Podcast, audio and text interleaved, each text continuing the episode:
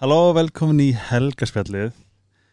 Uh, Í dag er bara svona, er svona dagur, svona podcast sem ég bara uh, svolítið eins og bara svona kúra. Þetta er svona, ég ljúft á kúra því ég er með röggu hjá mér. Halló. Og ég ætla bara að taka þið með mér í hérna okkar, eða mi- mína, mína dáslögu samstagsæðilega og ég mæl ekki fyrir þetta yfir af því að nú er ég með röggu. Og ef það er eitthvað sem þú kannt það er að, það er að vera svona viskubrunnur um alls konar og ég er hann svolítið obsessed af magnesium Já, einmitt. Er magnesium ekki, þú veist the new, svona pínu svona er það ekki nýja, Það er nýja ofur efnið sko. Já, Jú, þetta er svona breytir í súpermann sko. Vegna þess að, að magnesium er best fyrir svefnin mhm. magnesium glísinat eða magnesium eh, þrejónat og ekki sítrat, krakkar. Þá er þið bara dollunni. Það er, hæðalósandi e, og þá, þú veist, það róa miðtjóðkerfið það slakar á vöðvum. Já, þannig að þú nærður þessum dýpri svefni og hvað gerur okkur að súpermann betri svefn. Ah. Þannig ég segi bara magnesium er, er bara eitthvað sem við verðum og, og sko magnesium skortur er annar mesti steinefnarskortur á Vesturlundum Nei, Jú, þetta er aldrei magnað sko. Sko að því að það er svo skemmt, ég vil skemmt það til að Ice Herbs, mm. bestu mín, þau eru náttúrulega bara með alls konar hérna vítamin og, og magnesium reitt af því og ég tek rosalega mikið magnesium ræðum, en svo Dr. Til sem þú getur sest, hérna baðað í Já, magnesium saltið og ólíðnar uh, ég er hann obsessed af coconut oil hérna dótinu um, en magnesium gegn húðina Já. ég man að þú varst með spray já, ég stundur spreyja sko ef ég verið að taka mikið hoppum og svona þá á ég til að fá krampa já. og þá spreyja ég á mig kálvana Já, ég er nefnilega að finna sko þegar ég, ég, er, ég reyna alltaf, það besti heim er að fara í baða árin fyrir að sofa.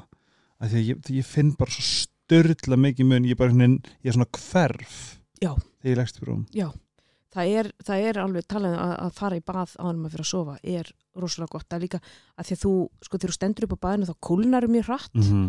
Og það er það sem þarf fyrir sko að sopna, það er að því að Mm. líka minn þarf að droppa sko um eina gráðu í líkamsita Já, já, til þess að þú sopnir þannig að sko það að fara í bað þú veist að hitar þið allan upp Já. en það er sko kælingar effektin sem kemur þegar þú stendur upp úr. Þess að þú kólnar niður og þess vegna sopnar er svona djúft sko.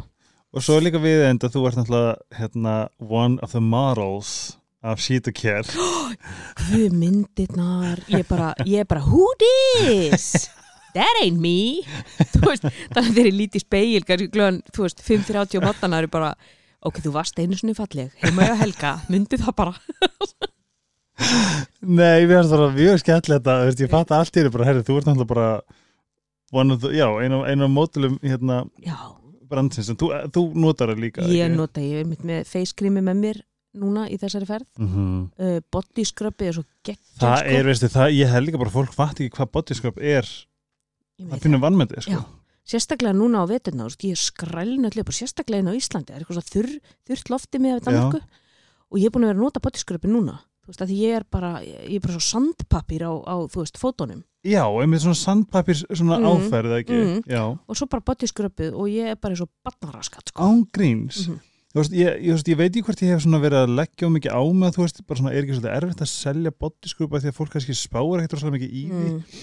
Og þegar ég byrja að nota þetta og sérstaklega þetta, þú veist, ég er talað um einmitt, bara barnaras, ég er svo Mhm. mjúkur, ég en ég verð svona, ég fæ svona stundu svona hrjúott, bara svona, hvað er í gangi? já En þá bara, þetta fixar á nú leitni. maður finnur líka bara hvernig vörurna, það eru svo það eru svo í og, og maður finnur bara að það er eitthvað gæðið þarna 100% en það er þetta, var rakin velunum í svo langa tíma Já. bara, hairskinny nails, þarna töflunar já. já, ég, ef þið er ekki að sjá þetta þá verðið eiginlega að fara að er- síta kjör að sjá hana fyrir já eftirmyndina þetta er styrlað, sko. Þetta er styrla Já.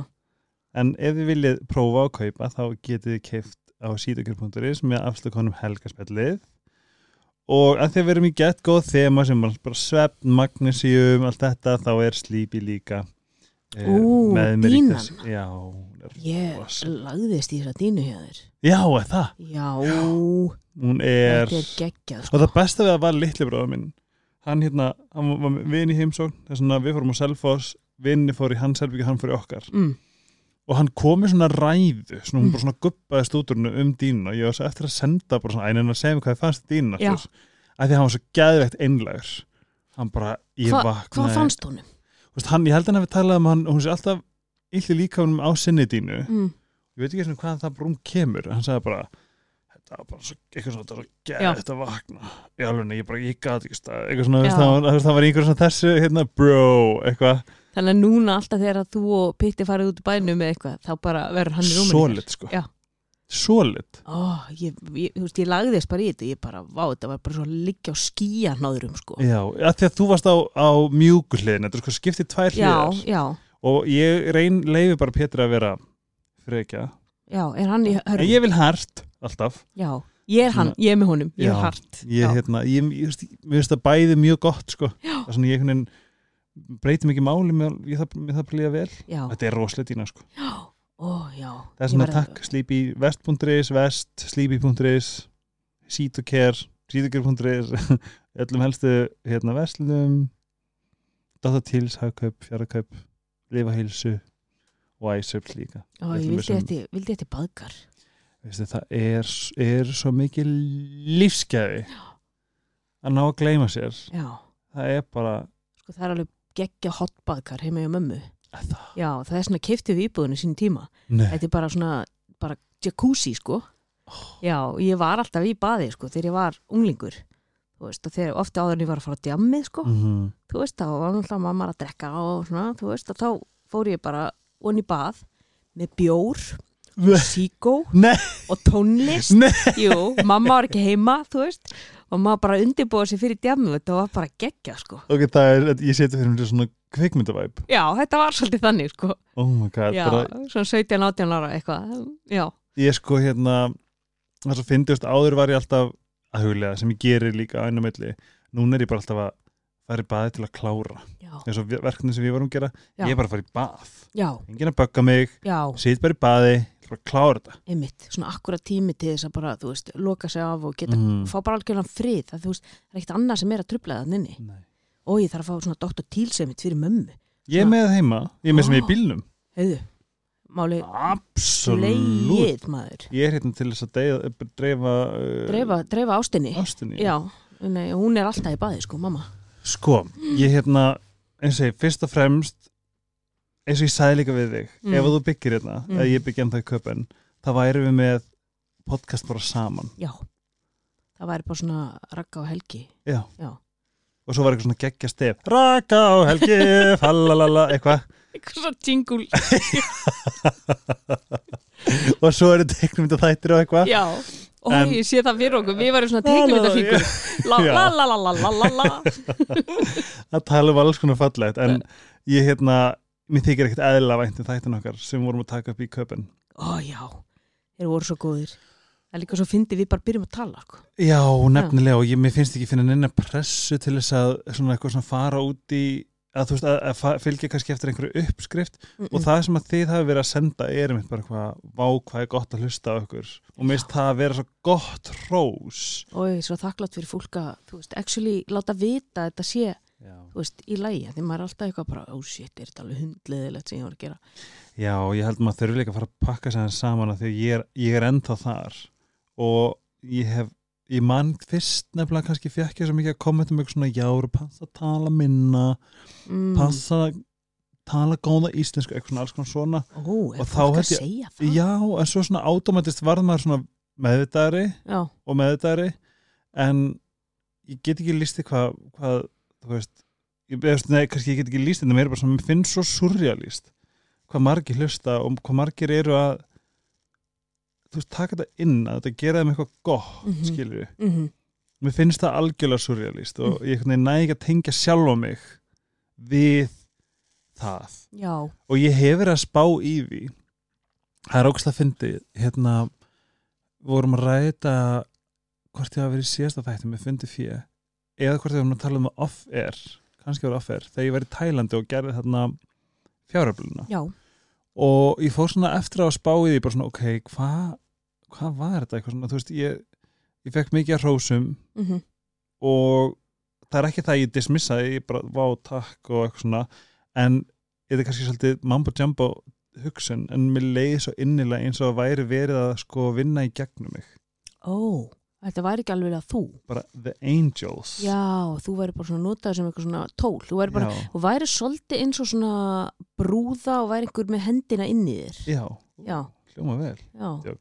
nei, hérna. Hendin upp í rassinu já, mikið fyrir það Já. hérna um, skal ég segja já, eitthvað svona smá. Já, væri svona eitthvað verkfæri fyrir einhvern annan e- englana eða eitthvað. Já, kannski þess að þú veist ég er, eða kannski fatta ég líka bara ég er ekki að gera þetta fyrir mig.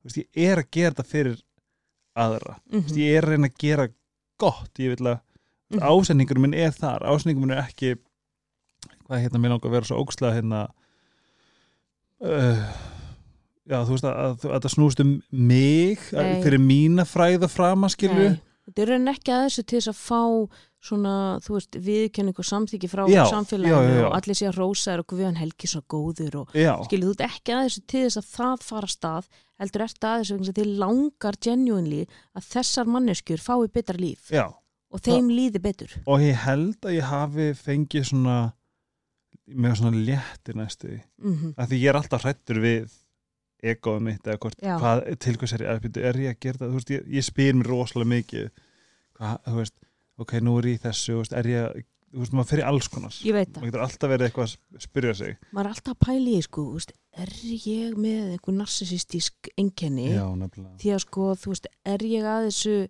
ok, gef ég í þetta góðgeramál að því að ég vil að fólk haldi að ég sé Mhm. góðmanneskja Einmitt. eða ég vil fá einhverja hrós og aðdáun frá öðrum. Já, eða er ég að gera þetta vegna þess að það skiptir mig máli að allar manneskjur hafi það gott og Já. líði vel og hafi fæði klæða húsnæði? Emmitt og þetta er svo, einmitt svo mikilvæg punktur og þetta er svona þetta er alltaf sama tuggan, bara ég verið með öll eitthvað narsistisk, bara svona já, það er alveg rétt, en þú veist, en, þú veist við erum ekki að meiða aðra eða við erum nei, ekki að nei, nei, við erum ekki við sko, þú veist, og það er líka munurinn eða þú ert narsi og þú beitir ofbeldi Já. og þú beitir sko svona stjórnunar taktík sem er Mhm. alveg sérstök fyrir narsisista Mhm, þú veist, það er munurinn auðvitað erum við öll með narsisistisk einkenni. Mhm, ég meina ég og þú værum aldrei komin svona langt. Mhm. þú veist, þú sem, þú veist, þessi mikli áhrifavaldur sem þú ert við værum aldrei á þessum stað í lífinu ef að við værum ekki með narsisistisk einkenni. Emmitt, og ég meina, þú veist, ég sé bara til dæmis munin á mér og manninu mínum já, já, já, já. Þú veist, ég vil fara í öll podcastin og ég vil, þú veist að fólk sjáu mig, ég minn ég er búin að skrifa pistla og þú veist, ég fer í sjónvarpi ég sé alltaf já, já, þú veist, bara sjónvarsuptöka já, ég til í þetta, ég til í þetta, alltaf bara já, já, já, já og finnst, þú veist, bara gaman að vera er, ég, ég hlusta aldrei á neitt eftir mig. Ég, það ég bara geta ekki sko, ég fæ alveg bara auðmingahrollin upp og niður sko. já, en hann vill ekkert. Já, þú veist, hann vill helst ekki helst ekki, hann bara, "Á, ekki, ekki, ekki mynda mér ekki mynda mér, þú veist, ekki láta sjá í mig. Er þetta ekki alltaf líka maðurinn hennar röggu ég nagla maður er rögglega hann er ágjörn sér nafn þessi elska, þú veist. Þannig að sko, hann er ekki þú, ég veit ekki hvort þetta sé kannski aðtiglisíki eða þú veist, og ég er svona horfið tilbaka og ég hef alltaf verið svona þú veist, ég leka á sviði og emmitt, þú veist, mér finnst alveg gaman að láta horfa á mig, skilju, og hlæja mér og þú veist, að ég sé fyndin og, og þetta, en sumir eru bara alls ekki þar. emmitt og þetta er svo, þú veist, það er ekkert aðteglisvært við það, þetta er einnig bara, þú veist, ákveð service, eins og leikarar, þú veist, þeir vilja, þú veist, en þetta, þetta, flokkast alveg undir eitthvað narsisistist Enkenni, og ég hugsa að allir leikarar séu með einhvers konar narsisisti enkenni, þú, þú veist, það að allir séu að horfa á þig á sviði, Mhm. það krefst þess að þú sért með einhvers konar, þú veist, sjálf hverfi að, þú veist, ég er til í að allir séu að pæla í mér. og það er líka bara svo ekkert mál og blessað, bara það er bara svona partur af okkar bara eh, svona ég, þú veist, að þessu leiti heilbriðu samfélagi, skilur, ef það væri engin þarna, það væri engin, engin upplýsingaflæði og engin ske, engar skemmtanir og, Einmitt, við Það er verum svona- öll introvertar, sko. já, einmitt En svo getur það verið introvert og það er það sem er svona aðtiklisvert er að nú ætlum ég að reyna svona laumulega að koma því inn í þetta podcast ekki að fara á bestastæði. Já, ég ætlaðist að spyrja út ja. Taktu eftir segwayinu hérna sko, Já. hvernig ég er að lauma þessu inn á mjög narsisístískan svona undir förulan hátt. ah, Já, en þar var ég að tala við Guðna. Já, og öll þekkjum við Guðna fórseta og vitum náttúrulega hvernig hann komst í embætti. Menn hann var bara einhver akademiker já. bara, þú veist, sagfræðingur upp í háskóla sem var bara fenginn til að vera einhver álitskjafi í sjónvarpinu. Réttum maður, og réttum tíma var að tala um Sigmunda Davíð, þannig að vindrismálið og eitthvað bla. Svo kemur að kostningum, Ólaf Ragnar óvinsæll allir fara sko svona að pressa hann, þú veist, þú veist nú svo mikið um fórsetnembætti, hann ætlar expert í hann Þe- þess vegna var hann fengið sem álitskjafi um alls konar hluti og allt í einu er hann bara komin í frambúð og allt í einu er hann bara kosin og allt í einu er hann á einn fórseti Mhm. og þar sem við sátum með honum í þessu kaffibóði, ég og vinkona mín sem okkur í, þá sagði hann þú veist, þetta var mjög skemmtileg og notaleg stund og þá sagði hann svona í, þú veist, djóki stelpur, ég veit að ég trúið ekki en ég er rosa introvert og ég bara, nei, guðni, látt ekki svona, þú veist ég með hann er introvert, já. en samt fer hann í þetta sko embætti og þetta starf Mhm. sem að krefst gríðarlegar aðtikli og ég meina við getum kannski öll verið sammálið það að Ólafur Ragnar var miklu meira þú veist, miklu meiri með miklu meiri narsisístiska tendensa heldur en nokkuð tíma guðni Mhm. skilu, og honum fannst gaman var búin að vera í pólitík og var búin að vera, þú veist, horfið á mig og Mhm. ég og eitthvað sem að Guðni er ekki en samt getur hann farið í þetta embætti þannig að þú getur auðvitað verið introvert og valist í störf sem að krefjast þessu og sért pínu narsi þú veist en Algjörlega. þá aðlaður þið einhvern veginn bara að því eins og hann hefur gert bara á svona sinn einlega hátt sko. Eins og Dr. Ramani segist þér mjög mikill introvert, introvert, einmitt. Þú veist. Og mér, ég er erfitt með að trúa því. Já, já, það er svona, mér finnst bara svo mikilvægt það sem að ég svona vill alltaf að fólk skoði er, þú veist hvað hegðun er mikið tungumál. Já. skilur við, mm hegðun bara þegar, þú veist, núna þú veist, þetta er, svo, þetta er orðið svo kaotist og ég meina gaslýsing var orð ársins. Einmitt. Þú veist. Og það er svona fyrir okkur sem hafa innilega lent í þeirri svona slíkri gaslýsingu þannig að við erum bara geðveik mm skilur við bara það, bara, ég viss, maður vissi ekki hvað var upp og hvað var niður lengur. Að efast um allt, sjálfa þig og allt. Já, bara allt, bara, ég, bara ég veit ekki hvað mann finnst gott, finnst maður blárfallur veist, að heilnaður er bara einhverjum snúning og þú nærði ekki að áttar ekki áhlutum, sko.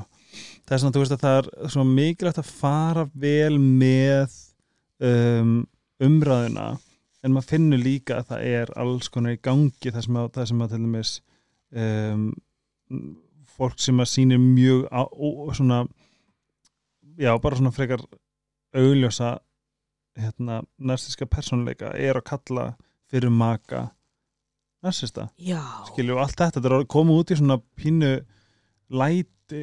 En það er alveg klassíker sko Mhm. að narsas, narsisistar kalla aðra sérstaklega mitt maka fyrirhandi kærasta eða eitthvað það, þetta er svona þetta sem er kallast á ennsku svona deflection eða sko Mhm. svona yfirvarp já, þú veist þá get ég beint kastljósinu frá mér og Mhm. mínum narsa eiginleikum og tendensum og horfið á hann það er í rauninni hann sem er narsin og þegar í rauninni kannski erum að ræða svona þetta þú veist þessa, þessi sko þetta ofbeldi eða sko sem að er í rauninni bara viðbragð Mhm. við áreiti narsisistans Mhm. þú veist eins og kannski þú upplýðir í þínu sambandi. Rópa með sem þess að- mjög oft Já. sko. sem að hann pota og pota og pota í þig mm þangað til að þú bara, þú veist lottu mig í friði!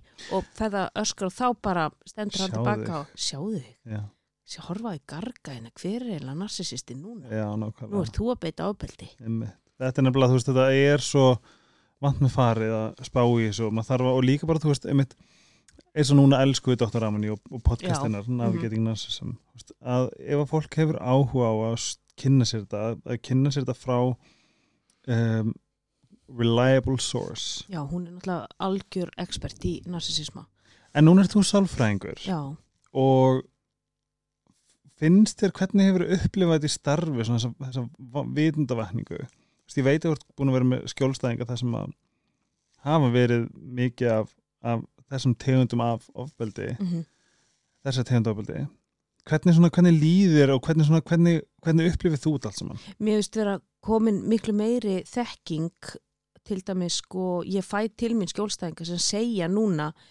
já veistu að sko, þú veist, svo var hann bara að gaslýsa mig eða svo var hún bara að sko manipulera með mig og, og þú veist, og hún var að nota, þú veist, þriðja aðila, þú veist, þannig að mist fólk vera orðið um, upplýstara Mhm. um ofbeldið og taktíkina og vita nákvæmlega hvað er gaslýsing fyrir sko kannski svona bara tveimur árum Einmitt. var þetta ekki svona veist, það sem að ég þurfti actually að segja já sko þetta sem að hún eða hann er að gera núna Þetta, þetta heitir gaslýsing Já, og hún lýsir sér svona Mhm. og sko þetta auðveldar mér starfi mitt vegna Mhm. þess að þegar fólk er orðið upplýstara þá þarf ég ekki að útskýra og fólk fer heldur ekki í vörnina strax Mhm. Þú veist, það, Nei, nei, nei, nei. nei, nei, nei, nei, nei, hann meinar þetta ekki þannig Já, en sko það er samt ennþá þannig að þeir stundum kemur það fyrir að fólk svona já en sko hann er ekkert að gera þetta meðvitað Mhm, einmitt. og, og þá sé alltaf nei, nei það, ég veit það þau, þau gerir þetta ekki endilega meðvitað Mhm. Þú veist, þetta er ekki svo sé- vakni bara á mótnan og bara, jæja, nú ætlum ég aldrei að gaslýsa í dag, skilur þú veist, þetta, þetta er bara einhvern veginn svona í þeirra erðamengi að beita þessari taktík og þú, þú veist að þekkja þú veist, þetta, þetta triangulation þú veist, þess að ég nota einhvern þriðja aðila og átta sig á því líka hvernig sko narsin operator Mhm. til þess að geta sko til þess að geta beitt réttum aðferðum á hann og veri ekki, sko, narsar þeir þurfa bensín Mhm. Þú veist, Supply. Já, supply þú veist, og þú getur verið bein uppspretta af bensíni Mhm. eins og gerist í ástasamböndum þar sem að þú varst bara bein uppspretta af bensíni fyrir þinn fyrverandi Mhm. þú veist, þú, sko, og, og við getum verið með jákvætt sko, jákvætt, að ég kalla stundu fóður Mhm. þú veist, við getum verið jákvætt fóður við getum líka verið neikvætt fóður. Og, og sko jákvætt fóður er þú veist, allt svona allt svona sem er, þú veist þetta love bombing og, og þessi aðdáun, þú veist og þetta þakklæti, þú veist.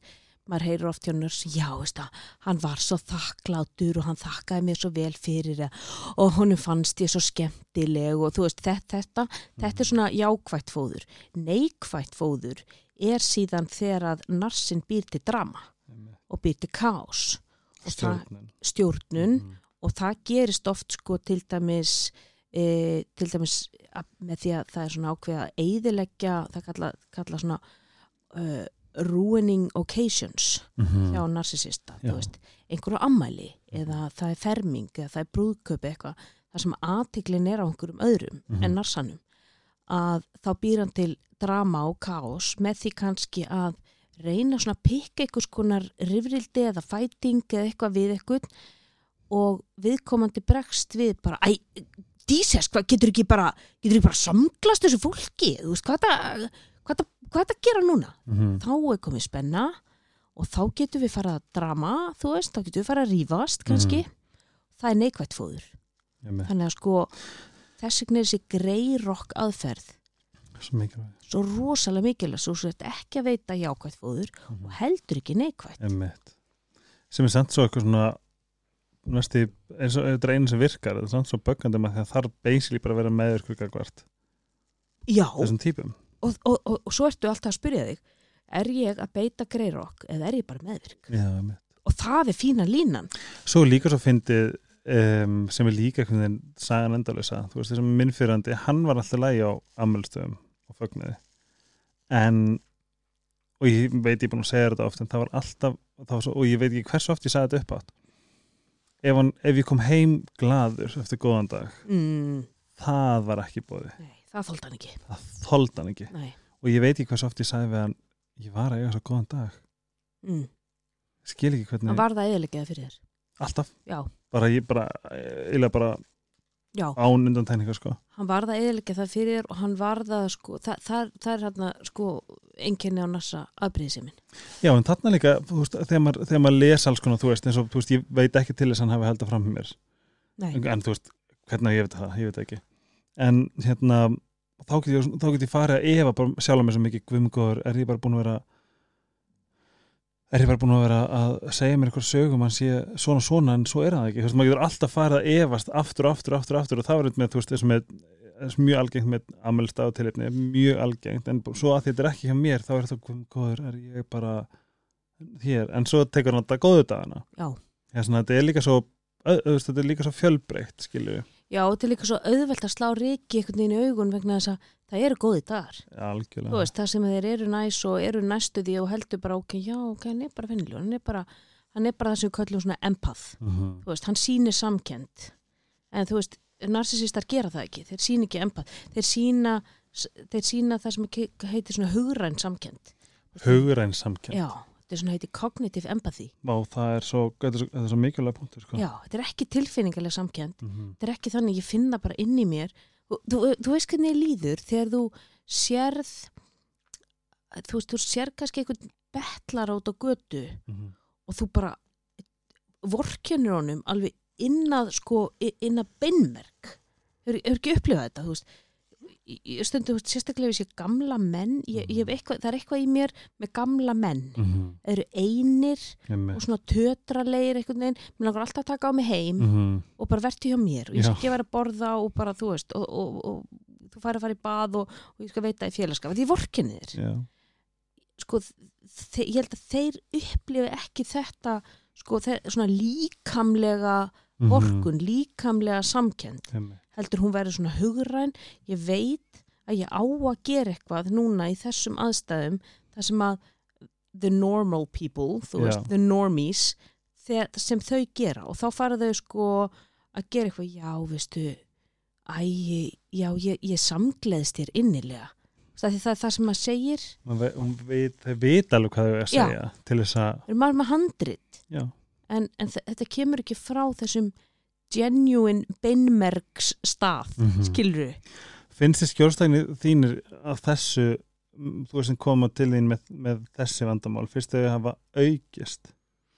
Mm, nei, kannski ekki nei, ekki aukist. Ég, eh, ég veit ekki, held kannski við séum orðið meira vakandi fyrir því. Þannig að sko maður svona kannski fer ég, held að sko narsisista ofbeldi eða narsisistar sé ekkit fleiri í dag eða það sé ekkit meira ofbeldi en við erum bara fljótari að spotta það og vita hvað það er og geta sett nafn á það Mhm. og geta þannig unni með það og að því leiti finnst mér ég vera að upplifa hjá mínu skjólstæðingum að sko fólk er kannski freka fara að leita sér aðstóðar fyrr Mhm. og, eð, og, og jafnvel bara yfir höfuð af því að umræðan er orðin svo sterk. Og Mhm. þar helgi kemur þú rosalegur inn. Já. ég hitti eina konu núna um daginn og ég segi já, ég bara eitthvað fór náttúrulega að tala um þig. Já, eitthvað með Helga og eitthvað, veist ég hver hann er, Helgi Ómars einna vinnu minn ljósmyndari, já. Er ekki hann sem að var að tala um ofbeldi þarna sem hann lendi jú, einmitt er hann mér finnst þetta svo hugrætt hjá hann og svo nöðsilegt þannig að þú veist, þú ert orðin svona einhver rödd sem að fólk tengi við. Ég spurði mér nefnilega sjálfa mig í gær mm. í labbi, þú veist. Þú veist, ég, ég, maður þarf alltaf svona að, rétt, svona að rétti sig af þegar hausnámið getur farið eitthvað. Og það var einmitt sko var ég að gera þetta til þess að ná einhverju hemd Mm. eða hvað var ég að gera? Og þá fatt að ég, þú veist, ég var búin að blokka hann allstaðar þegar ég kem fram. Mm það var aldrei, það skipti mig ekki máli, að því hann er öðru landi. Hann er öðru landi og hann talar ekki til tungumál glemdi því að hann sé að fylgjast með íslensku fjölmiðlum. Það er svona að ég finna líka, þú veist, að það maður sér núna nún, veist, hér í þú veist, hefði ég beitt mér öðruvísi varandi, varandi þetta um, ef hann væri íslendingur. Mm. veist, ég hefði klála beitt mér öðruvísi. Mm. en ég myndi samt upplega þetta mikilvægi að fólk myndi vita hvað, hvað þetta er og, hvað, og, og þú veist hvernig aðri geta varið sig. Mm já, algjörlega. Algjörlega, ég meina, einmitt, hvort sem hann hefði verið Íslendingur eða ekki þú hefur alltaf fundið þig knúin til að nota þinn plattform og þína, þú veist, fræð e, og ég sett fræðin að gæsa Já, þú veist Ísland já, ég veit ekki svona þinn þekkt leika, ég veit ekki hvað er íslensk komið ég veit það, en til þess að miðla áfram ok, hér er mín reynsla, Mhm. hún var ömuleg en ég verð að nýta hana til góðs Mhm. annars var hún til einskis Einmitt. það er, það er, það er einhver sem sagði þetta nákvæmlega þjáningin verður að hafa tilgang tilgang nákvæmlega og hver er tilgangurinn? Hann er að ég farið að út, hjálpi öðrum í sömursporum, Mhm. komi ég að byrja vekk fyrir að aðrir lendi í því Einmitt. og get kannski hjálpað öðrum eða bara, þú veist, bundist samtökum við aðra sem hafa komist sér út úr því eins og Mhm. ég.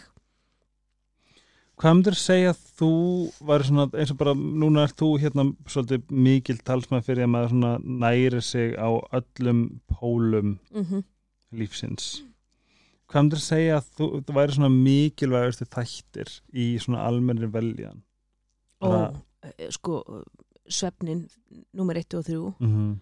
ertu að tala um, að tala um svona, þú veist, lífstílstætti, ertu að tala um Ég er líka bara svona andlega þætti andlega Svona þætti. hvað, hvað eins og fólk sem að er Þakklætið er náttúrulega, þú veist, rosalega ofalega. mm -hmm.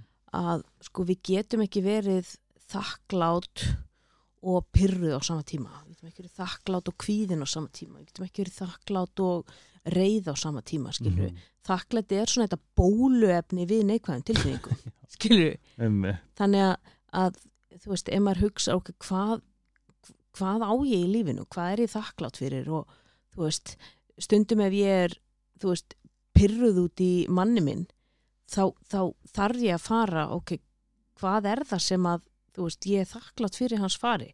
Og það eru alveg 3050 atriði, sko. Já, en það eru kannski þrjú atriði sem fyrir töðnar á mér mm -hmm. og þau fá að fylla allt Einmitt. og í saminginu hversu mikið vega þau á móti öllu hinnu og, og þú veist að það er þetta þakklæti og, og svo þú veist að náttúrulega þetta er alltaf að reyna að sjá þetta jákvæð en það getur verið rosa erfitt skilur, ég meina við sjáum ekkit alltaf jákvæði hliðarnar á því að þú veist, ég fekk ekki ingöngu í, í námi sem ég langaði skilur, Mhm. hvernig ég sjá eitthvað jákvæð til það, mér bara fucking langaði þetta og ég er bara ógislega disappointed. Einmitt. ég bara drepast úr vombriðum og svekkelsi og skilju, ég ætla ekki að, ú, um, þetta opna nú nýjar dyr, skilju, þú veist, maður er bara, maður er ekki að fara þangað. Nei, og þá er líka, ok, get ég verið þakklátt fyrir eitthvað, já, já, ég er þakklátt fyrir fjölskyldurum mína og þakklátt fyrir þetta og hitt og bla, en á þessum tímabundi þá nenni ég því ekki neitt. Einmitt og, og, og ég má alveg vera hérna súr og svektur og pyrraður og, og fyrir vombriðum og allt það. Og leifa sér líka að vera þar, vera ekki detta í þessa hamingugildru, þú veist Mhm. að alltaf bara vera alltaf æðislegt og alltaf, ég er alltaf að vera þakklátur og jákvæður og, veist, að fara bara einhvern veginn í gegnum allt og bara ok, þetta er bara mannlegt og bara hvernig líður mér núna, setja nafn á tilfinninganda sínar. Mhm. það er rosa mikilvægt finnst mér að sko þú þekkir er ég reyður, pyrraður, gramur óanæður, svektur, súr vonsvikinn. Hvað er ég uppleitur svo margir núansar? Þú veist að ef leiði sitt nafn á það og hvernig líður mér og bara lega mér aðeins að vera þar og ég veit ég kemst upp úr því. Veist, ég veit Mhm. þetta líður hjá, alveg eins og allt annað. Einmitt. stormin lægir alltaf um síður Hvað finnst þér um það sem ég er svolítið búin að spá í? Það er hvað mikilvægi sko að læra meira inn á samskipti mm, hérta grínast er það ekki eitthvað sem að sem að hérna er þetta ekki, veist nú, og ég sérstæðlega spá í sko þessu bara með, með Pétur, bara svona mm, veist það er búið að vera svo ótrúleg reynsla að fá að vera með einhverjum sem þú getur átt samskipti við og Mhm. einhvern aðeila sem er með tilfinn, þú veist, næga tilfinningagrein til þess að skilja þig og heyri þér og sjá þig. Mhm. en svo koma, þú veist, ef, að, ef hún líður öðruvísi þá getur hann sagt það og það sé hægt að svona finna svona samspil og samhljóm í samskiptum. Hvað, er, er þetta ekki svona stór er þetta ekki ógeðslega stór þáttur líka eins og bara þínu starfi og, og þannig? Jú, og ég, ég, heyri oft sko þegar skjólstæðingar að lýsa kannski vandamálum, þú veist samskip, þú veist, mamma eða maður minn eða sískinni mín og, og þú veist það er erfileikar að þá þarf maður ofta að krifja til merkjar sko og hvernig eru samskiptin, Hva, hvað eru það að segja við hvort annað Mhm. og getur þú líst fyrir mér síðasta rifrildi og síðasta svona atriða, síðasta episóta sem hún lendir í og þá heyri maður oft svona samskipta munstrið alltaf sama Mhm. og það er ákveðin orð sem eru notuð og, og þetta verður, þetta er alltaf sami dansinn sko og ég skil ekki okkur við okkur ekki kend betri samskiptatækni bara strax sem börn mm okkur það ekki bara heilt fag útaf fyrir sig samskiptatækni, held að myndi koma í veg fyrir marga hjónaskilnaði Mhm. þú veist, mikið af rifrildum og bara mikið af, þú veist, orðaskaki bara í samfélaginu yfir höfuð. Við Mhm. myndum kunna tjá okkur á samfélagsmiðlum, myndum kunna tjá okkur í pontu og alþingi, myndum kunna tjá okkur við hvort annað, skilur Mhm. bara á djamminu, þú veist, að hvað við segjum og hvernig við segjum það, bara skiptir öllu máli, tónnin, e, þú veist, hvað orð við notum og að leifa okkur líka að taka pásu Mhm. þú veist, ef að við fáum þetta sem að kalla svona fawning Fawning. fawning, ég veit ekki hvað íslenska orðið er yfir það, sko það talaði um sko fight or flight og svo freeze Mm. skilju, við ku- kunnum það, þetta er þetta streytukerfi sem virkast hjá okkur, þú veist, ég fer í þetta ætla ég að berjast eða flýja, Mm. þú veist eða ætla ég bara þykistur að dauður Mhm. fight or flight og freeze svo komið eitt í viðbót, það er fawning og það er eiginlega svona þegar að getur ímyndaður og stendur út í sjó upp að mitti allt hérna kemur bara alda yfir og hún skelliði bara bakið Mhm. það er þetta fawning, það sem að bara tilfinningandi beraði ofurliði Já. Og þú, þú eiginlega sko og, og, og sumir segja sko já, þú, nú ert þú bara í þagnabindindi en það er því við þögnum bara Mhm. við þögnum, við getum ekki sagt neitt og við bara svona hálf lömumst Mhm. þetta er öðruvísi heldur en frís viðbræðið þetta er svona, við, við bara Bara svona setja hendunar upp í loft, bara svona ég veit ekki hvað. Bara á ekki neitt, ég veit ekki neitt ég get ekki, get ekki, get ekki tala mm. og þetta er svona, vera svona, já, bara einhvern veginn borin ofurliði. Og þá er allt í lagi að fjarlæga sig úr aðstæðanu vegna þess að triggerin er á mikill, þú veist, segjum bara segjum bara ég er heima og, og uh, þú veist, ég tek alltaf þetta dæmi. Uh, ég kem heim og vinni og snorri er ekki búin að tæma úr úttölinni ég baða nú það áni fórum. En þú verður búin að tæma úr úttölinni og leggja borðið áni ég kem heim svo við getum bara farið beint að borða. Já. kem ég heim og ég er óksla söng og ég er óksla þreytt og það er ekki búið að leggja borðið og það er ekki búið að taka úr úttölinni og þarna snöggreiðist ég Mhm. en ég fæ líka svona þetta fawning viðbrað, skilur þú veist þess að ég bara alla tilfinningarna bara þú veist, ég pyrruð og, og svegt og sár og vonbri, vonsvikin og allt og þú veist og bara þarna hef ég rétt til þess að fjarlæga úr aðstæðanum, Mhm. vegna þess að annars get ég sagt eitthvað sem ég mun sjá eftir Mm. og við munum kannski fara í eitthvað, þú veist, eitthvað reyfrildi sem að skiptir raunin engum máli. Þú veist, þannig myndi ég segja, veist, að það er aldrei hægt að stóla á neitt, skilur, ég myndi fara þangar Þú alltaf aldrei. Já, þú alltaf aldrei. En þetta getur bara séð þetta trigger og bara, ok veistu, ég ætla að fara ég, ég ætla aðeins að fara út í fimm myndur þá getur valið viðbröðum mín Já, já. hvað ætla ég að segja og ég get verið úti ein með sjálfur mér leift öldunni að sko skella mér á bakið Mm svo get ég bara staðið upp aftur í sjónum, upp að mitti allt er bara rólegt hvað ætla ég að segja? hvernig ætla ég að targeta þetta? hvernig ætla ég að nálgast þetta efni núna án þess að segja þú alltaf aldrei án þess að fara í eitthvað argument en samt að setja skýrmörk Einmitt. og láta vita af því herri snorri minn veistu ekki bara rosalega vonsvikin að þú skildir ekki að tekið rauðvölin eins og ég baði um það er heldur ekki búið að leggja borðið ég er opbúslega svöng núna mm Mhm. -hmm. ég ætla bara að segja það, ég er bara ég er reið og ég er pyrruð og, og þú veist, ég bara vona að þetta endur tækis ekki aftur Mhm. ég er bara róleg, ég er í sömtóndegund ég er samt staðföst, Mhm. ég set mörg ég læt vita hvernig mér líður en þannig er samskiptatækni sem virkar samskiptatækni sem veldur ekki ágreiningi en ef að ég myndi fara hinaleðina þar sem að ég tilfinningarnar eru bara búnar að skella mér í, í undir ölduna að þá myndi ég fara að segja eitthvað sem ég sé eftir. Einmitt. og þá fyrir koma endurtekin og endurtekin og endurtekin ágreiningur. Og annað sem gerist er líka þá er þetta tekið upp aftur þú veist, ólistur ágreiningur.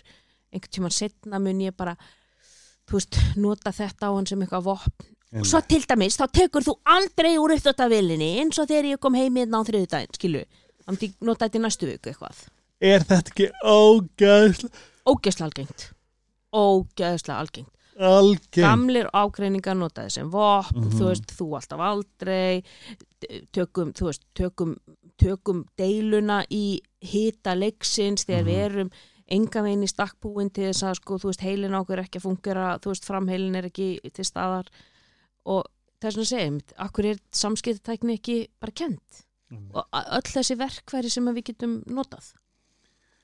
Það er svo auðvilt að fara í einhverja conspiracy. Með námsefni, Já, já. Ég veit það, það er bara því að það hendar systemin ekki að allir kunna samskipti. Nei það henda, það er gott að við erum í ágreiningi. Já, já, það er að halda fólki uppteknu. Já. Við getum farið, ég meina, hvað er skilnaða lögfræðinga þá að gera? Já, nei alveg þetta er, þú veist, ég einhvern veginn ég get alveg fara ángað og, og einhvern veginn, en, en það er líka því að, að því að sko, hvernig er þetta hvernig er þetta langt síðan að einhver vissi þetta átt að vera í í námsefni? Skilju, hvernig er það ekki komið? Veist, ég, Hver- veit, og einmitt. það, ég veit að það voru nokkur sem að sendi á mig eftir eitthvað dátt sem að sagði að það er komin ákveðin sjálfsvinna í skóla. Mm, en veist, ég lærði kristinfræði. Einmitt. Þú lærið ekki eins og trúabræðafræði heldur kristinfræði. Já. Það var bara Marja gisti á Mm. hvaða gestaheimili? Þú veist. Einmitt.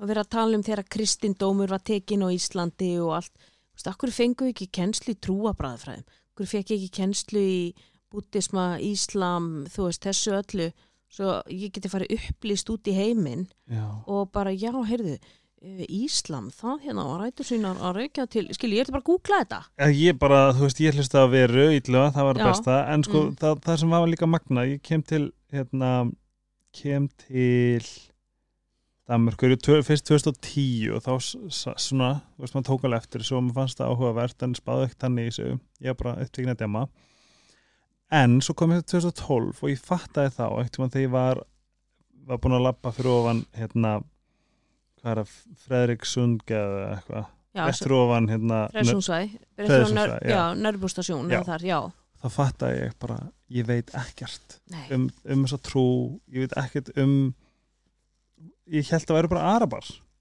Hva, hvað gerður þá? Hlustaður á þátt eða já, ég held að ég hafi sko ég var svo heppin að kynnast múnir frekar Já. snemma eftir að ég kom. Já.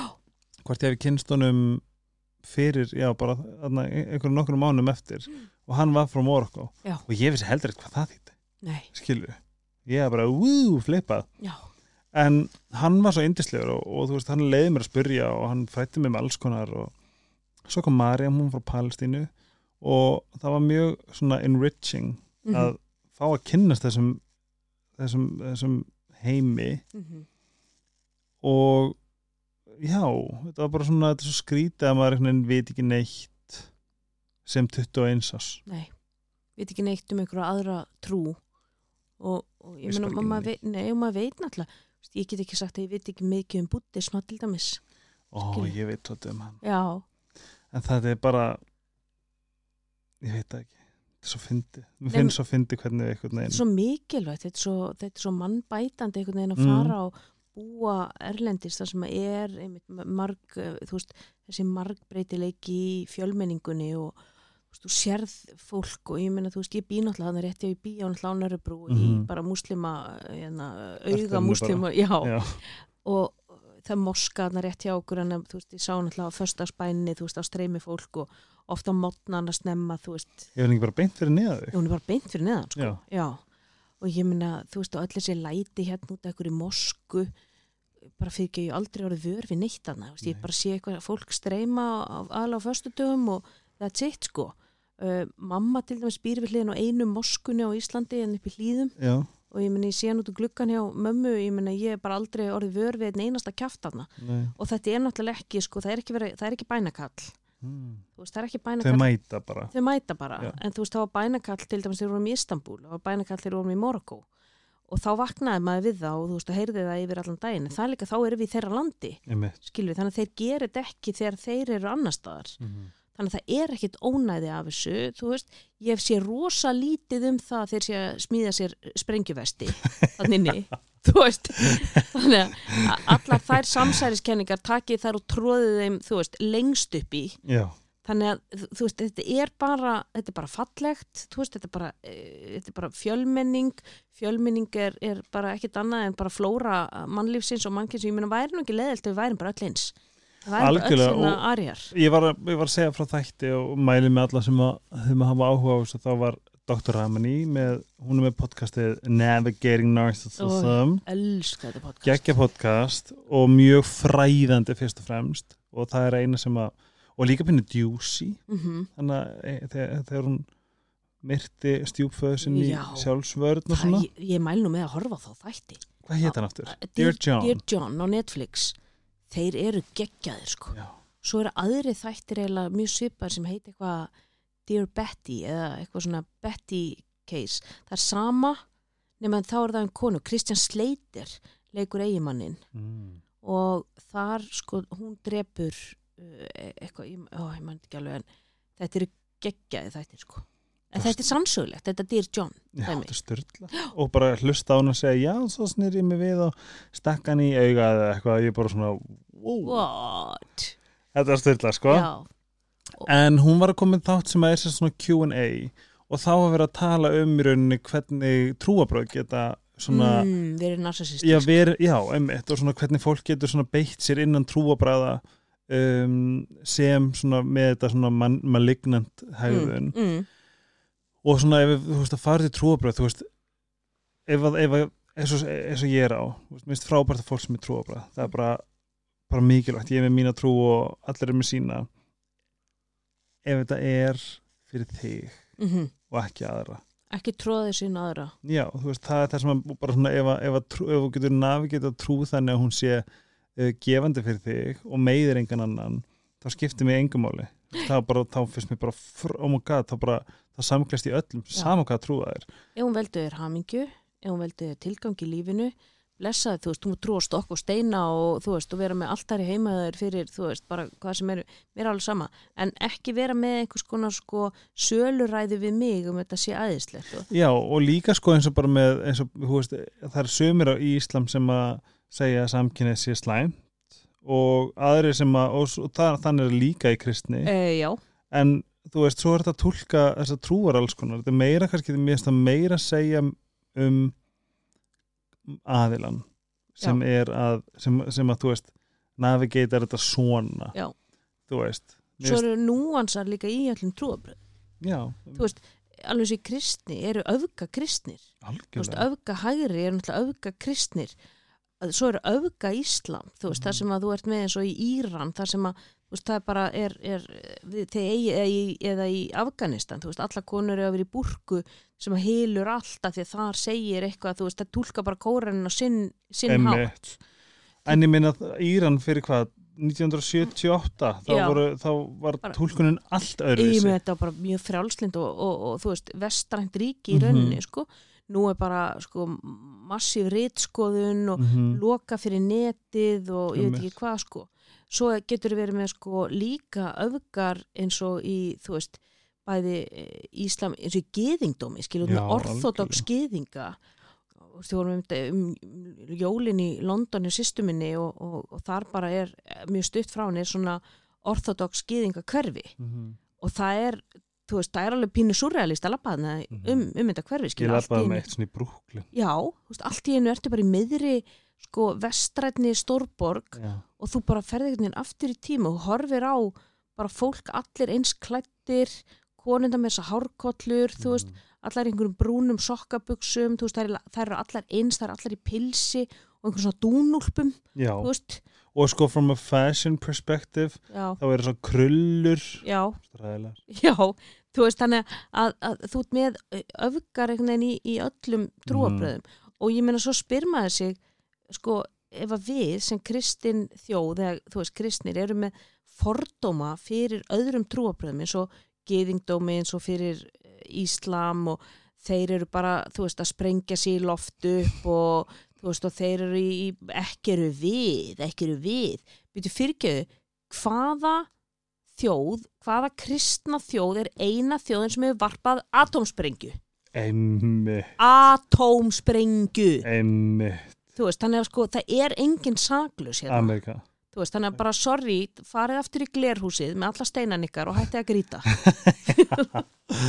Ég, þetta er svo, svo spottan Mér finnst þetta að vera svo gaman að tala um það því ég, veist, það, það er margir sem að þóra ekki að tala um þetta. Nei, en guð hvað mér finnst það bara gott og ég held líka bara það að sko sérstaklega Múnir og Mariam hafa gert svona byggt svona grundvöldin fyrir mig bara að Já. fá að spurja og fá að vera forvitin og og þú hefur auðvitað upplifað hjá þeim að þau yfka sína trú á mismunandi átt, hún er frá Palestínu og hann er frá Morgo já, og þú veist og kannski eru þau líka á mismunandi stað í sko Mhm. hversu trúrækin þau eru og hversu mikið þau yfka og hvernig þau gera það, þú veist byrja þau sexunum á dag eða ekki? Já, Marja er muslimi bara alveg bara, se- bara fylgja sín og þetta var feminíska, feminískasta manneski sem ég hitt í Damasku já.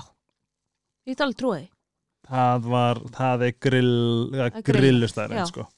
það var einn sem var að vinna með snorra manni mínum frá Íran og hún, þetta var sama hjá henni hún bara, þú horfðir á hana, hún gæti alveg sér bara breiðoltinu, skilur við, þú veist hún var ekkert, ekkert írönski útliti. Mhm. hún sagði pappi minn er öfga hérna maður og bara þú veist ég þurfti að fara alveg í barning við hann um að þú veist að læra hún er arkitekt, að læra arkitektúr og þú veist fara til annars lands og allt og þú veist og svona rosa feminisk og ógesla skörpi hugsun. Mhm. svo fekk hún ekki vinna á fram í Danmörku þurfti að fara aftur til Írans Snorri hann, hann, hann, hann hefur ekki tangun í hann, hún er farin af Facebook hann er Ah. hverki í hana hann veit ekkit hvað hún er. Nei, nei, það er bara, bara allt, það er búið að loka öllu bara hjá henni. Shit, já, það er aldrei skeri sétt sko. Það er skeri af því þú veist, hún var mjög líberal í hugsun og bara mjög vestræn sko. Já.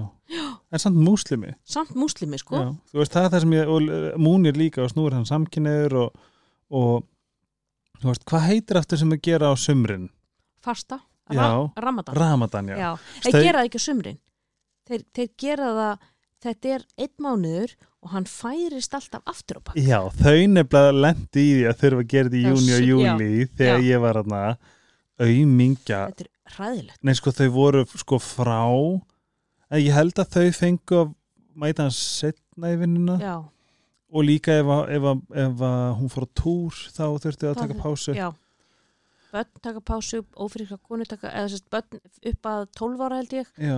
ófríska konur eru utan konur sem eru á blæðingum mhm. og held ég, þú veist, mjög gömul gamalmenni Já. þú veist, þetta er eitthvað svona ákveðni hópar sem En ef hún var ekki blæðingu hún og þetta bara þau bæði. góður, og það, veist, það var ekki vasklast, það var ekki neitt. Það ekki neitt. Og þá lærði ég líka sko að það tekinn peningur, það sapnaði peningur uh, allavega þau, þeirra megin sapnaði peningur í það sem við myndum vanlega í mat eða eitthvað slis og svo er þetta gefið allt til góðgera.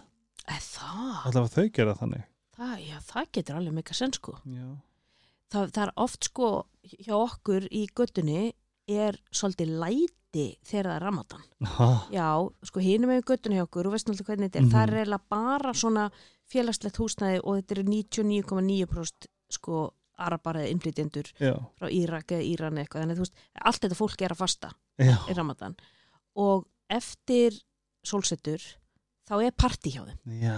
og það er oft svona svolítið læti í göttunni, það er eitthvað strákar á skelli nöðru og eitthvað og, og, og svo hættir þetta bara. Já, það er bara þessi mánuður, þetta er bara eitthvað svona festivalmánuður sko. Já. já. múni skrap alltaf saman. Já, þeir gera það, þeir, hann, þeir grennast og bara eftir Ramadan þá bara, þá var hann bara orðin svo grannur og svona bara einmitt, eh, þú veist, hann er svona massa gæi, skilju var ég með þetta er náttúrulega styrla og borðar þú borðar næstu eða bara eina máltíð.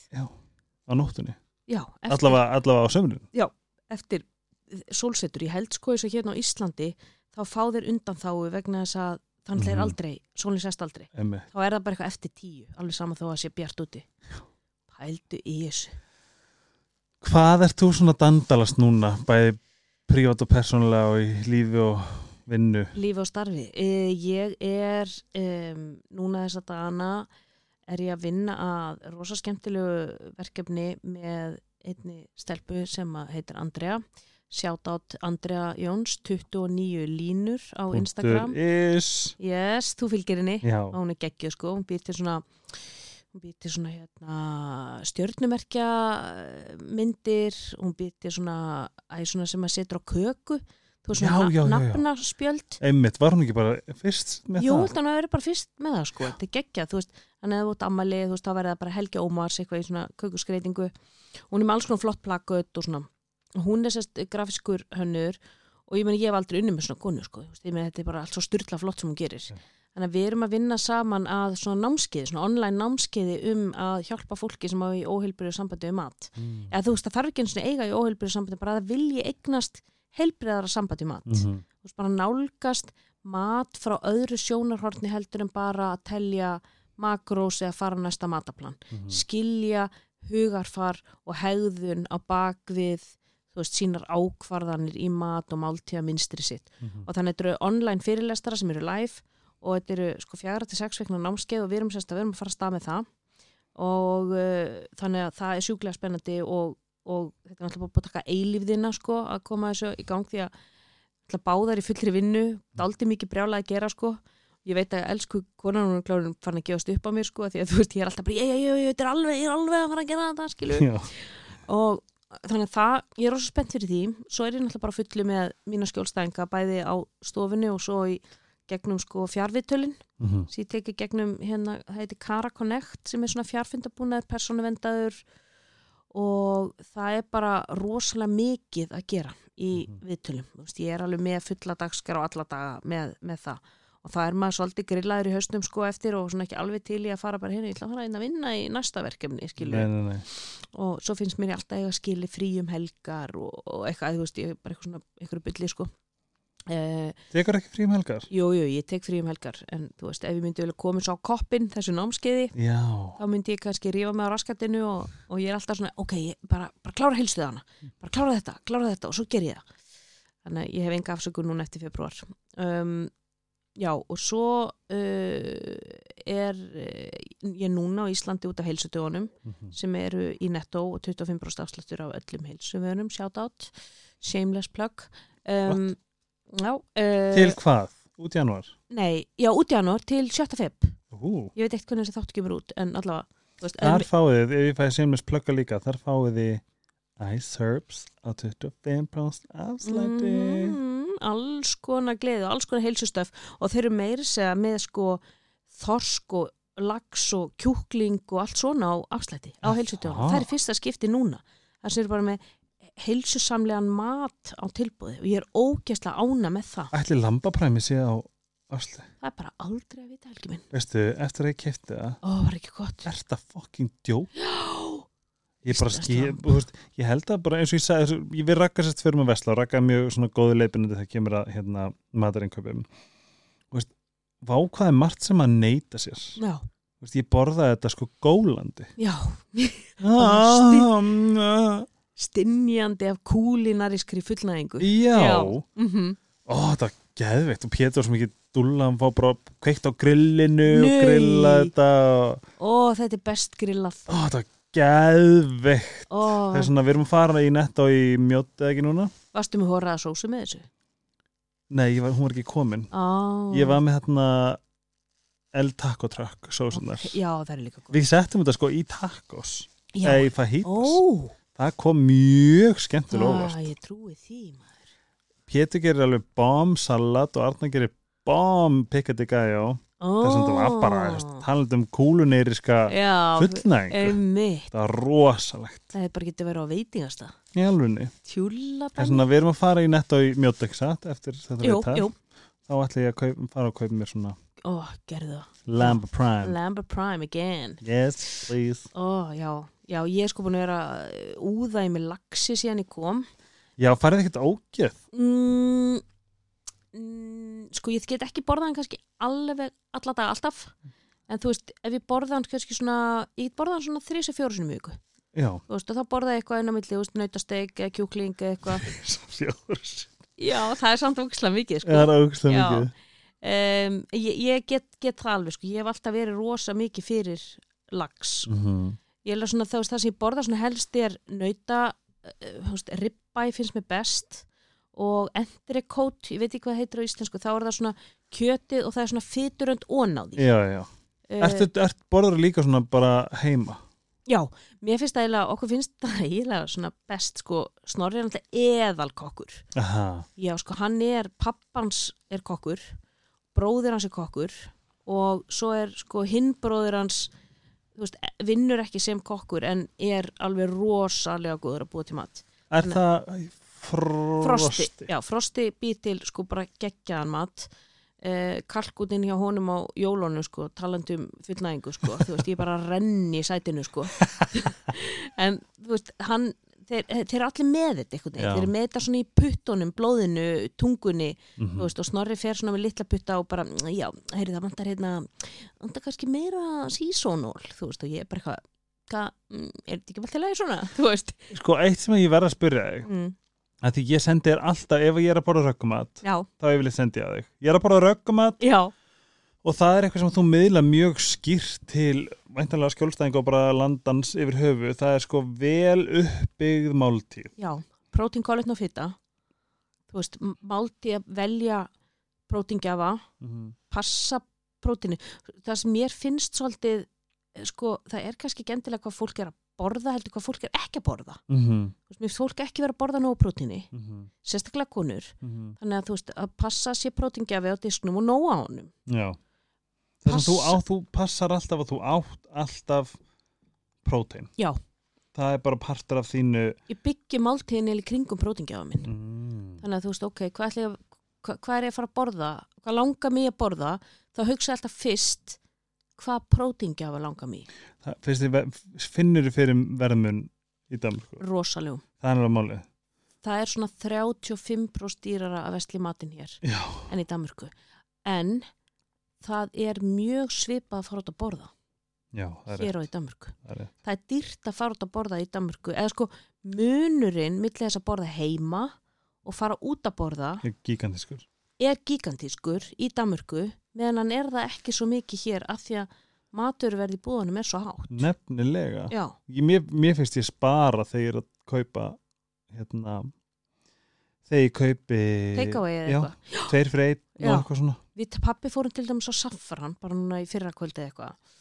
Og ég held að rétturinn sem ég var með var á eitthvað þrjúðuskall ég tek alltaf réttur hjólarans Mhm. heitir það Stærsti. Það er stæst Já, ég hef bara talað um þetta við eitthvað vin minn. Hann er sko líka svona, hann er þrítröttamæður ég sagði hann, ég veist ég fyrstum á Safran minnst þetta er svo lítið.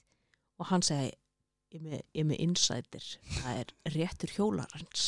Það er stór réttur. Og bara síðan þá alltaf keft hann. Mhm. þú veist, það er bara humongous fjallar hrískurunum og, og þú veist, þetta var svo vel út í láti. Ég hugsa, Mhm. þetta, er bara, þetta er bara 150 danskar. Já, þú veist, ég held að þú veist, á kebabstað væri ég örugglega bara að borga, borga svipað, sko, fyrir þetta mann svona 129 þetta það væri bara eitthvað svo leis þannig við erum bara að tala um svip, svipað þannig að mér varst þetta það fannst mér ekki dýrt. Nei. en svo fer ég í maturbúð hér og ég kannski að borga ef ég kaupi stóra, stóra körfu og í henni er kannski, þú veist, einnautasteg kannski bakki af kjúklingabringum það er kannski lags, þú veist, du, du, du, þetta er kannski 50-60 þúsund sko.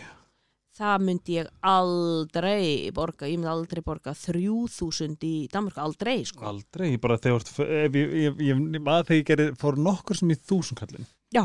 Þá held ég samt bókstælega ég hafa verið í bara mánuð að kaupa með eitthvað. Við fórum nefnilega, já, þá hann strimil heima fyrir gamláskvöld.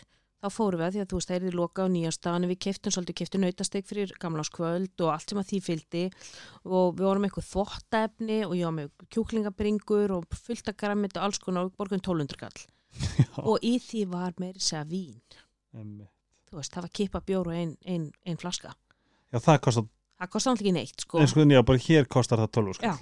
þannig að sko, þú veist, þetta á 1200 er 24 íslenskar, skilur Mhm.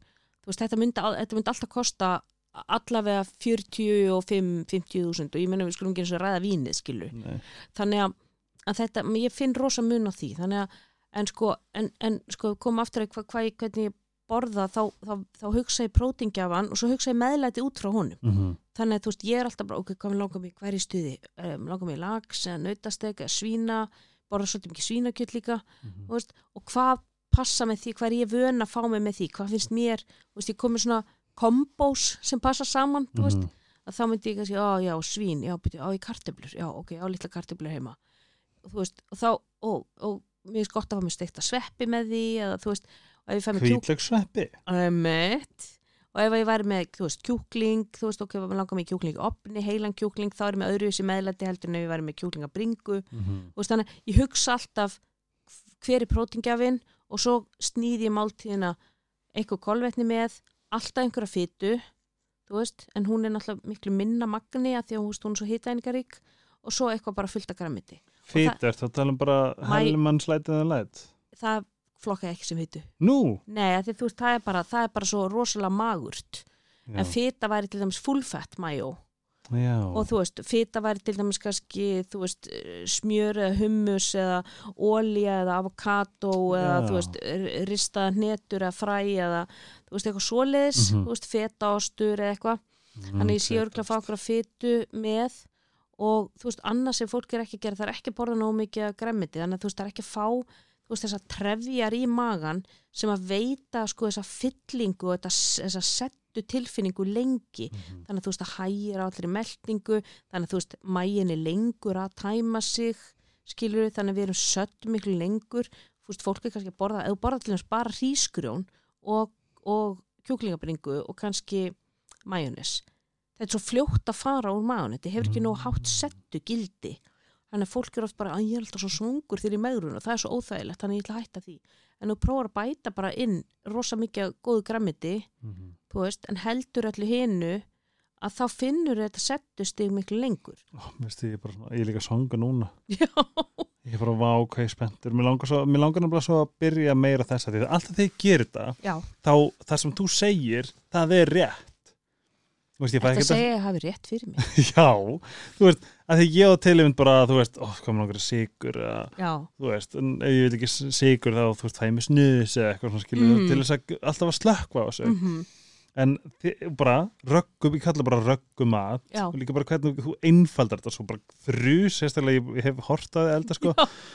þú bara svona þrjusar þessa pönnuna, kryddar þessa sveppi, já, kartelmuna tilbúna, stingur eitthvað í þær, salt og, Já, já. veist, þetta er svo, þetta er svo, þú veist, það þarf ekki að vera flóki. nei, það er nefnilega málið, þetta þarf ekki að vera flóki og einfalda þetta svolítið og finna og þú kannski finnur það líka Helgi, ef Mhm. þú veist, þú ert að borða röggumat, Mhm. þú veist, að þú, þú sækir minna í sigur, Mhm. þú veist, að þú ert nærður, þú ert mettur, þú Mhm. ert sattur, þú ert sáttur og þá finnur okkur hérna borða ég bara góða stóra máltíð bara næstu þrjá fjóra tíman er ég bara að hugsa um mat Mhm. ég er bara að pæla í þessu, skilur þú veist, svo bara, já, heyrðu, mm, komin inn að hátæðismatur eða það er komin inn að kvöldmatur þú veist, þannig að það er ekki þetta skyndi hungur það er ekki þessu að þrá ekki yfir mat allan daginn, þú veist, að vera að slökka eitthvað með einhverju, þú veist, gósi eða snusi eða, þú veist, einhverju Mhm. og, og ég held að fólk miskilji svolítið hvað felst í heilbriðum og hollum lífstíl. Það er ekki meinlæta líf, svangur að sjúa klaka og sleikja spínat, skilju. Þú veist, þetta er bara, það, það er ekki málið og það er Nei. eitthvað sem við myndum aldrei gera. Ég myndi aldrei ná að halda henni vöðvamassa, þannig heldur. Nei. Hvernig, nú, ert, nú ertu svo mikill mataperri. Já, Hvað þarf að bora í kvöld?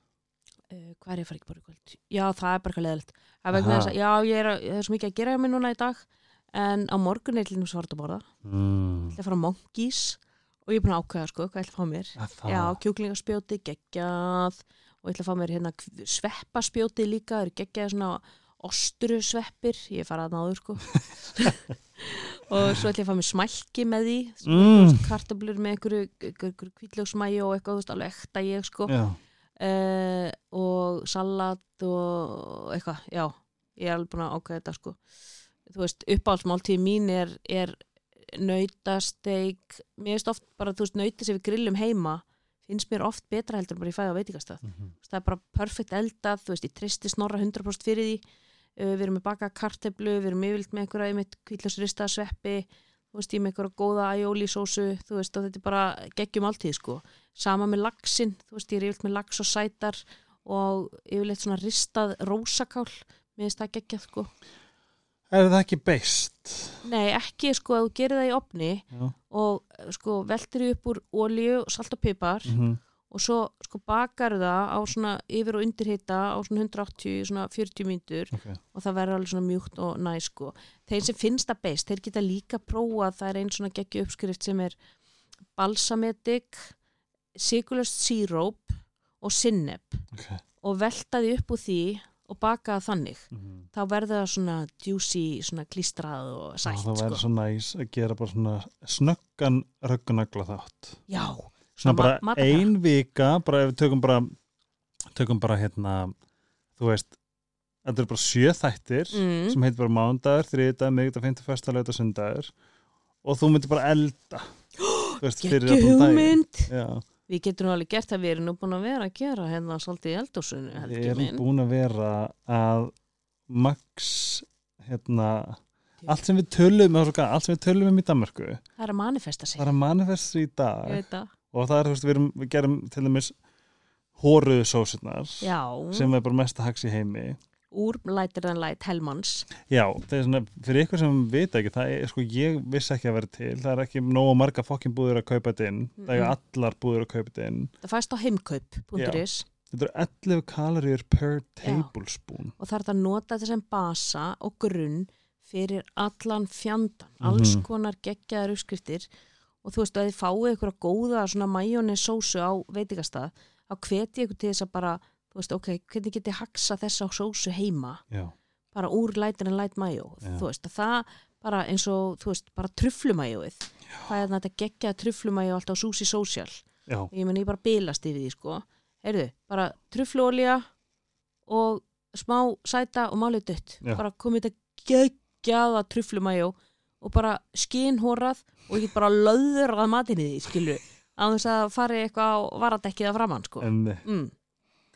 Hven, hvenar eigum við vonaður aftur á Ísland? 14. apríl kem ég aftur þá ætla ég að vera með fyrirlestur með Inga Torfa Nei! Jú, Ingi Torri Sverrisson sem er með ETS Macros Mhm. uh, við erum að fara að plotta saman uh, heilsufyrirlestur og í samstarfi við ná og ætlum að vera með hann örglan 17. og 18. apríl Mhm. Svo ætlum ég vera ekki aftur með streitufyrirlesturinn búin að vera með núna Verður verður þetta löngferð? já, ég ætlum vera ekki í tíu dag aftur oh, næs! I know, við erum alltaf búin að vera ógæðuslega mikið saman núna og verðum ennþá meira saman þá Ángríns. við þurfum að taka fleiri sósur Fleiri sósur, fleiri podcast. fleiri podcast bara og fleira sprell og fara út að borða kannski á gæja Oh aftur. God, já. Mér langaði að fara á gæja á sundarskvöldi heyri eru með lokað. Nei, á sundum. Já, ég ringdi í þá í gæri og spurði hvort það væri borðið en hann sagði því miður erum með lokað, hann sagði ekki að komið ég er bara maturinn að það var alltaf bara Það tjúlaður. er alveg rétt. Vannmyndir staður, eða ég, svo sem veit ekki, ég held að sé að nóg að gera þarna, Já, en ég, ég væri bara til að fólk myndi tala meira um hann. já, þannig að við verum að tala um hann núna meira. Þetta spjót sem ég fekk með kjúklingnum og þessi lax var tjúlaður. Það var bara allt gott. Það var svo fyndið að horfa á þig. Það var eins og að hefði dotti í trans. Ég veit það og þegar þú sagði við erum að fara að þennan stað og ég skoði matsinni bara, fokk, ég eftir að velja allt. Mér langaði allt. Já, Já, ó, þetta var svo gott. Við rakkar einu sérst að þegar, við, þegar þú ert hérna, þetta vatti upp á sem núna þetta skipti, út af streitu, streitu og þreitu. streitu, eins út að fara að hittast, borða og helst í leikus. já, gera eitthvað svona menningarlegt og gaman já, þannig að hérna já, en ég kem aftur, aftur sérst í í apríl, Við- tilefni ferðarna er reyndar að tengdamóðu mín er að vera áttarið. Og hún ætlar að halda upp á, ég meina, þú veist, hún lítur út fyrir að vera sko 60, sko, hún er alveg ótrúlega unglega og flott, sko. Þannig að, já, og þá, Veistu hvað triksi hennar er? hún var ballerína. Nei. jú, eh, hún er alltaf haldið sér hún er rosa matgrönn. Mm. Já, hún er rosa pen, mjög pen kona og mjög svona matgrönn og, og já, og opáslega róleg. Mm. Það er engin streita, einn er aldrei læti, þú veist, og það er allt rosa fínt. Hjá hún svona fín og pen og, og eitthvað sem skilji nú oft ekki af hverju snorri valdi mig, sko, bara alveg total opposite, brjálu brussa og alltaf drastl og kann ekki að strauja og eitthvað, en hann, já, hún er svona, ég hugsa að það sé haksið hennar að vera svona, Opposites attract. já, geti verið Er sko, það ekki alltaf svona, hún er alltaf stóísk. Ó, það er slett. Já, já, en já, en þú, Helgi minn, hvað er á, hvað er á dagskránið þér? Oh my god. Það er svo mikið í gangi á þér alltaf. Já, ég er sko, ég, þegar ég veit að ég fann að leggja mig á daginn, Það er þá mikið að þarf ég gera. aðeins að endurskoða. Það er svona, ég er í svona smá endurskoðun og skiplagningu núna. Nú er ég að fara að tega kaffi að vinna, reyna að ná smá, Inn á Garðatorki. já, Já.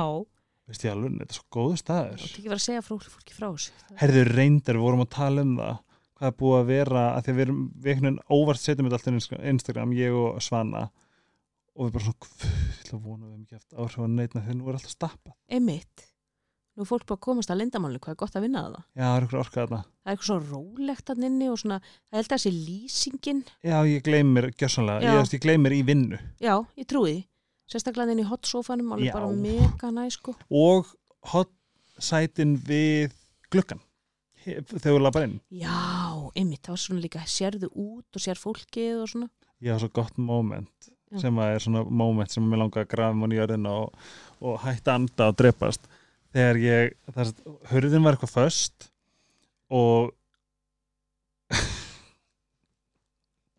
ég eitthvað er, er hann að svona, opna Já. og ég veit ekki okkur ég gerir þetta en ég banka bara, bara hvað, hérna Varst það reyna að komast inn? eða? Já, Já. bara, það var bara opið og allir auðvitað að horfa á uh, hálfvitan banka bara hana og ég eitthvað svona er óksla, vill óksla vel og er óksla svona saklaus. Og það verður að segja mér svona toga fastar. Þá þurfti ég bara að toga fastar en ég er að hrista Já, hurðinu og banka banka. eins og ég sé náttúrulega bara gjörsamlega sko farin Já, og eins og sért líka bara ógeðslega auðmur Já. og svo, þú veist, svo versta moment er náttúrulega bara þegar ég kemst inn Já.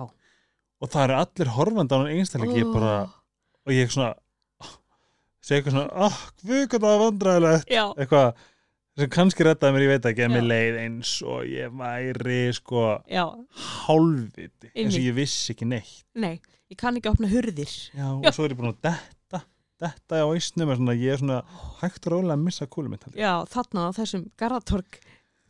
Það, já. En svo líka er náttúrulega sko, það sem er skemmtlast við Garðatorki er að hérna, Kristín í Nónem er að hæ hæ stelpur, Ok, nú er ég alveg rosa útlendingur Ég veit ekkert hvað að tala um ég skal senda þér þetta Ok, hún er legendarisk er, er, er, það podcast? Nei, nei, Nei. þetta er einn besta markaskona á Íslandi. Ó, ok No Name Garðatöki. Hæ, hæ stelpur, Kristi hérna hjá- No Name. Já Býttu, ég held ég veit Brilliant kona. Ok, Og ég mér oft langt til að fara inn og segja fucking love you. já, er það, er það búðin sem er þarna á Garðatorgi? Já, ok Ég bara, ég veist, það kemur ekki á orðið ef allt verður selt, uppselt hjá þeim alltaf. Ó, Markas gúru. hvað selur hún? Alls konar föt og... Var það þar sem ég sá arböndin, hann að Nepal arböndin? Já. Já, Eða það var kannski búið með hliðin á. já, hún Svo- hétt eitthvað annað held ég Já, En Kristín hjá Name. já, ef einhver á að skilja sjátt átt í, í lokin, lo, lokin á þessi þætti, þá er það hún já Ég með ég þekki hann ekki neitt og bara ég ætla að sjáta á það hann samt Já. Bara, þú veist, stelpu við stelpu verðum að starta saman. Já, Já. Um, Við ætlum að fara að halda frá okkar missjoni sem að er að bæta heiminn. Bæta Já, heiminn. ég ætla að fara að heilsuvæða landan núna í Netto með einhverju sprelli og, peppi og ráðgjöf og fræðslu og kynningum og ég víst að vera með einhverju ör fyrir lestra Nú, Já, já, ég, ég hristi það bara eitthvað fram á raun minni á staðnum? Já. Við bara hvernig er? Nei, eitthvað svona frammi á hérna hjá kössunum eitthvað, ég er auðvitað að vera bara með einhverja, þú veist, fræðslu um nokkuð bætefni við streitu hvernig líst þér á það? Það er bám Já, rótióla, þú veist, L-glutamin, magnesium, þú veist, taka þetta helsta og eins að kynna á hvað ég gera og þá getur fólk farið inn og, og sjópa það á Á, 20% afsluti. Er ekki 25 er þessa? Jú, 25. Let's go. Let's go. Munar að minna. Já, Þetta er ekki svona 100%. sjódýrt, sko. Ég er að segja það Mm, En mikilvægt mjög mikilvægt. Við Þið hlustendur fáið röggu aftur í stólinn í apríl Mm Og þá kemur þú í stólinn til mín líka. Í 100% heilsuvarpið. Ná ef þið er ekki búin að hlusta á heilsuvarpi þá ég með það að gera það núna Það geggjaði þáttu með Söri Sigmunds. Já, Já. Ef hann er búin að fara mjög mikla dreifingu Já, hann er æði, hún líka svo einlega og sæt og indisleg, sko. Það er bara ekki annað hægt, sko. Ég hef ekki ennþá hitt hana Er það ekki? Nei. Hún er sko my sister from another mista. Já, sko, ég, ég er svona þannig ef ég myndi sjá hann í búð þá myndi ég vera fucking starstruck. Já, nei, þú ert ekki verið það vegna hún er, hún er bara genuinely manneskja, hún er aldrei, aldrei hróki, aldrei upp, þú veist, yfirlæti ekkert, það er ekki til, Nei, sko. hún, hún, hún virkar þannig. Já, hún er alltaf glöð og þú veist, ég er svona, ég tengi, við tengjumst á svo mörgum levelum, sko, hún er sálfræði líka, sko, Já, heitir Ragn Heiður, ég heitir Ragn Hildur, já. þú veist okkur, veist, rosa gaman í crossfit, rosa gaman að hreyfa okkur, vorum bumbulínur báðar, erum báðar alveg sjúkir mataperrar, alltaf að pæla í mat, báðar alltaf með tyggjó, þú veist, það er svona, Nei. eigum ótrúlega margt sameigilegt sko. Já, hann ég sagði það við hann í podcastin ég sagði það er einhver naflastrengur á milli okkar sko. Já, ég tengi svolítið við hann mér finnst hún, hún aðeinsleg sko. ég hef alltaf bara ég er með svona girl crush á henni sko. Ég er með svona aðdánar bara svona, ó, mér finnst það svo geggjöð þú myndir fá svona fawning response já.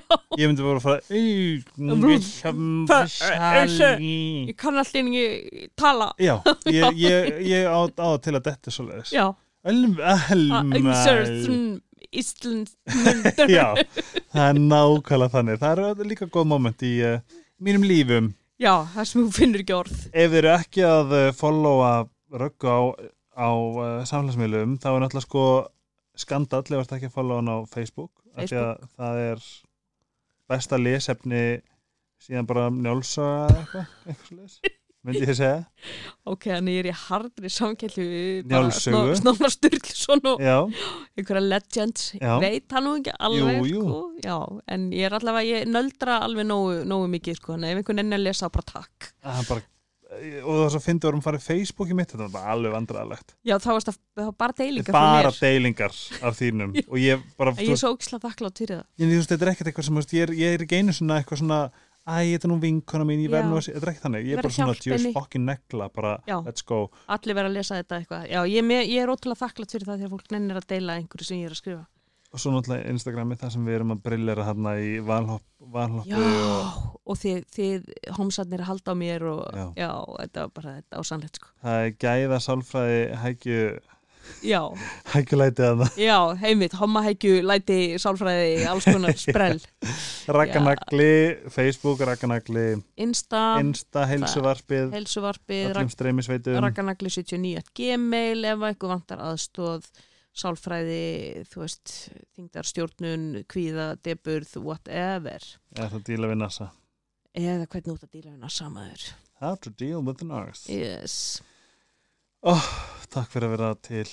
Takk fyrir að vera vinnvinn Heyrjumst bye, Bye